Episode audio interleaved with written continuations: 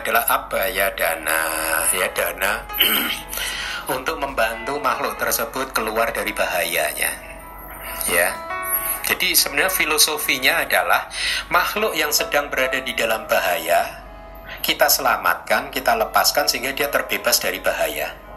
Ya, itu yang disebut function gitu kan? Ya, tetapi ada cerita ironis dan tragis yang saya temui di Sumatera pada waktu saya masih suka keliling itu dulu. setiap ceit capko itu ada abang-abang naik sepeda di belakangnya kandang berisi burung. Parkir di depan wihara dari jam 9 pagi sampai sore. Kenapa? Karena abang ini pinter ha, naluri bisnisnya jalan. Umat Buddha kalau setiap jahit capgo pasti akan function. Ya, maka dia jualan burung tuh di depan wihara. Ya, pada saat saya pertama kali melihat karena saya awal-awal waktu itu belum pernah melihat praktek seperti itu di Indonesia kan.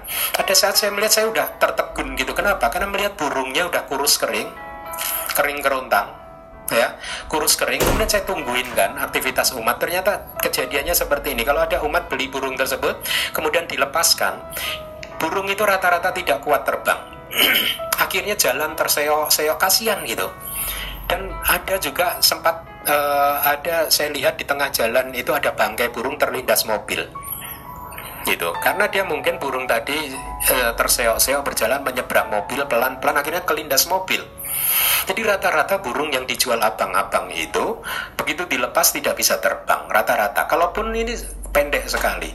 Jadi intinya burung tersebut menderita pada saat dijual oleh abang-abang tersebut.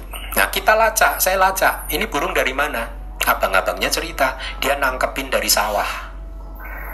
Jadi logikanya sekarang begini, ini burung-burung tadi itu sesungguhnya burung yang bahagia Gara-gara Anda suka function jadi malah menderita.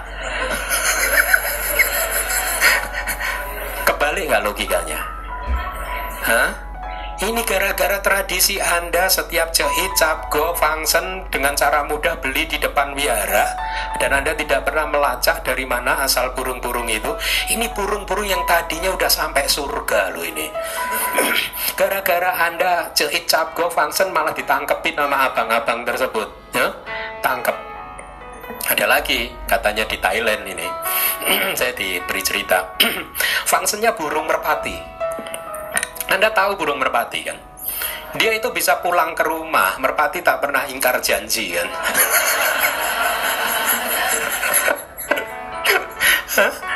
saya dengar cerita ini dari teman biku. Jadi, Ceit Cabgo, orang tersebut jualan merpati di depan wihara dan umat beli loh. Dan Anda tahu, begitu dibeli merpatinya dilepas, balik ke rumah si abang-abang tadi lagi. Wah, ini bisnis bagus, ini modal kecil, untung besar kan? Ya enggak? ya enggak? Modalnya kecil, hanya melatih burung. Nah ini gimana saya bilang gitu terjadi loh di satu wihara katanya gitu. Nah jadi apa ya dana Anda harus lihat filosofinya ya memberi A tanpa bahaya kebebasan dari bahaya. Kita berdana untuk membebaskan makhluk dari bahaya.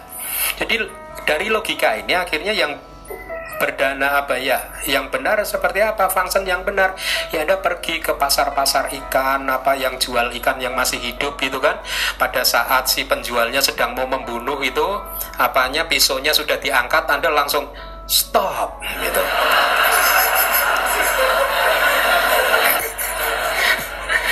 Anda anda pakai apa? Kayak Superman apa gitu kan? Stop gitu saya belinya ya gitu saya beli anda selamat nggak maksudnya seperti itulah kira-kira jangan juga praktek function janjian sama penjual hmm?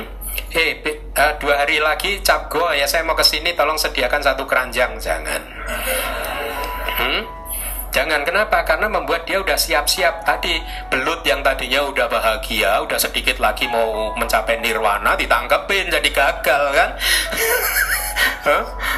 tak jadi malah menderita loh jadi spontan saja kalau mau function gitu spontan aja ke mana ke, ke pasar mana langsung aja gitu langsung jangan sampai uh, membuat orang-orang tertentu siap-siap sebelumnya untuk menyediakan stok untuk kita. Paham? Jadi itu filosofinya. Kita membebaskan makhluk dari bahaya. Bukan malah memberikan bahaya. ya. Baik.